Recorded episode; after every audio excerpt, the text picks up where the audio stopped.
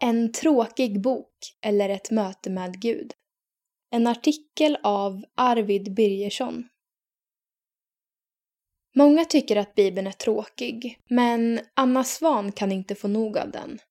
För i den möter hon Gud, universums skapare som älskar oss, vill möta oss, utmana oss och omfamna oss. För Anna Svan har Bibeln alltid funnits med och som liten lästes bland annat barnens bibel. Men det var först under konfirmationen, när hon fick en bibelläsningsplan där hon skulle läsa igenom ett evangelium, som hon började läsa Bibeln själv. Som hjälp fick hon boken Gud och jag, bara vi två, där hon fick tips på vad hon skulle leta efter och fokusera på i sin bibelläsning. Genom hemgruppen, ungdomsgruppen och skolgruppen fick hon sedan möjlighet att flera gånger i veckan samtala om och läsa Bibeln med andra. Ju mer hon läste, desto mer förälskad blev hon. Jag blev så begeistrad i Bibeln att jag kunde komma fram till mina kompisar och exempelvis säga “Jag har precis läst Jobs bok. Den är helt fantastisk.” Bibeln full av damm. Men det är inte alltid så roligt. Även Anna har haft perioder då hon har haft svårt att läsa Bibeln. Visst finns Adam i mig, den gamla människan, som inte vill läsa Bibeln. Jag går verkligen inte alltid runt och är taggad på att läsa Bibeln. Ibland har Bibeln stått och samlat damm. Men då har det inte varit själva läsandet som har varit problemet, utan att det finns mycket annat som måste hinnas med först. Vad är det som gör Bibeln så speciell? Det finns verkligen ingen annan bok som är levande och verksam. Andra böcker kan förändra oss, men bara Bibeln kan förvandla oss.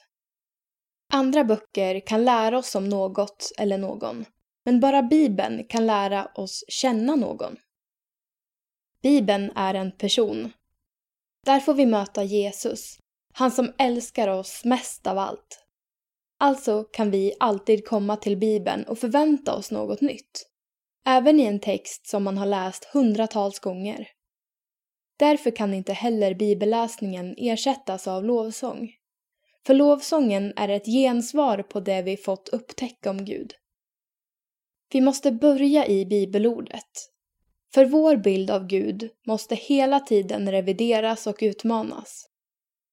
Vi förminskar hela tiden Gud och kan mycket väl lovsjunga en vanföreställning, vår egen lilla avgud, om vi inte hela tiden låter Bibeln korrigera vår bild av Gud.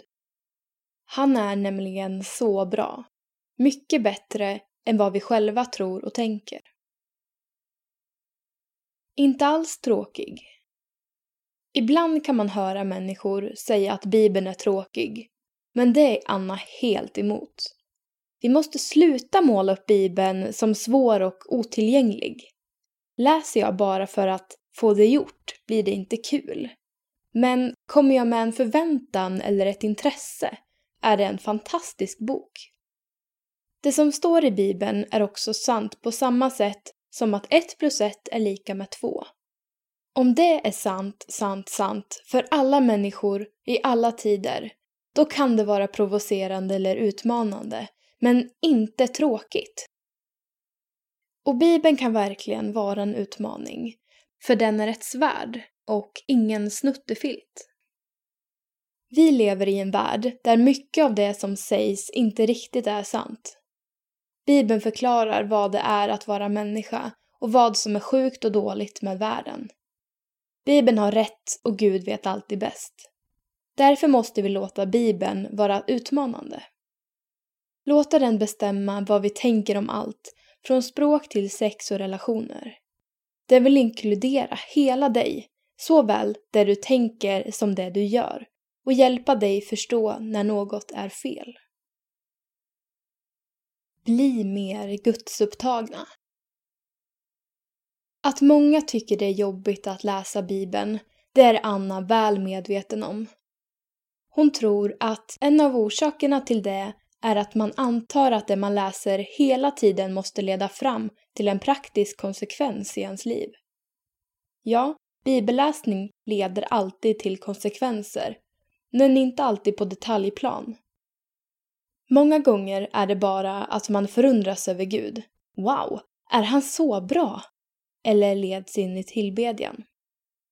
Det måste inte leda fram till något konkret eller en viss känsla. För Bibeln handlar inte om tio tips för livet eller om att känna vissa saker. Poängen med bibelläsningen är ju att lära känna och älska Gud mer, vilket är den yttersta meningen med ditt och mitt liv. Därför kan man nästan säga att jag läser Bibeln av ren och skär egoism, då jag vill leva ett så ultimat liv som möjligt.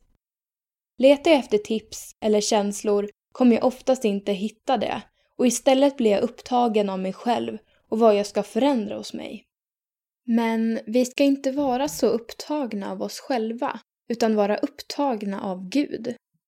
Upptagna av vem han är och av vad han har gjort. Tråkigheten kan också bero på att man kan känna sig tvingad av en bibelläsningsplan. Visst kan den vara en hjälp, men det är viktigt att komma ihåg att hur mycket eller lite du läser Bibeln inte ger dig en sämre eller bättre status som kristen. Gud blir inte mer eller mindre nöjd med dig. Du får inte tro att man måste läsa en viss mängd i Bibeln för att bli frälst, för det är helt fel. Bibeln är inte ett krav, utan en present.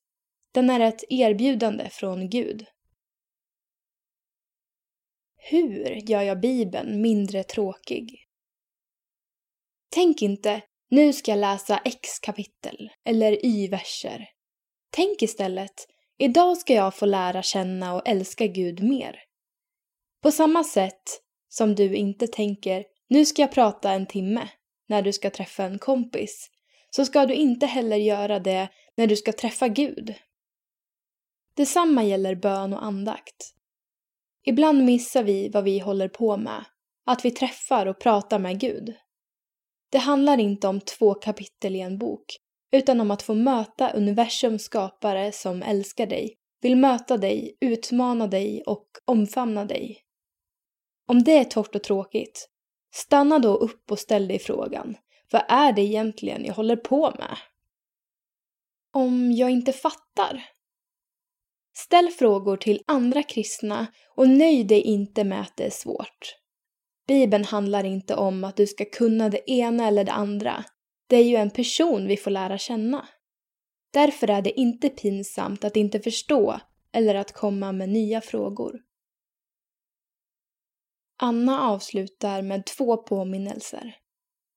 När du läser Bibeln talar Gud till dig. Det är inte bara ord som Gud sagt någon gång, och glöm inte att be Gud om att du ska få lära känna och älska honom mer genom din bibelläsning. Det är verkligen en bön han vill besvara. Annas bibelläsningstips Ställ frågor till texten. Vad säger detta om Gud?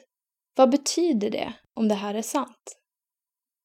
Skriv ner allt du får reda på om Gud, antingen i mobilen eller i ett anteckningsblock. Läs med en kompis. Be innan du läser om att du ska hitta något nytt. Be efter att du läst att det du läst ska landa. Ha en pappersbibel och anteckna och kladda i den. När den blivit för klottrig, köp en ny och börja om. Läs en liten bit och grotta ner dig rejält i det som står. Eller läs mycket och strunta i detaljerna och se de stora dragen istället. Det är viktigt att inte mixa dessa två stilar. Det gör det onödigt svårt. Kan du få tag i boken Gud och jag, bara vi två, så gör det.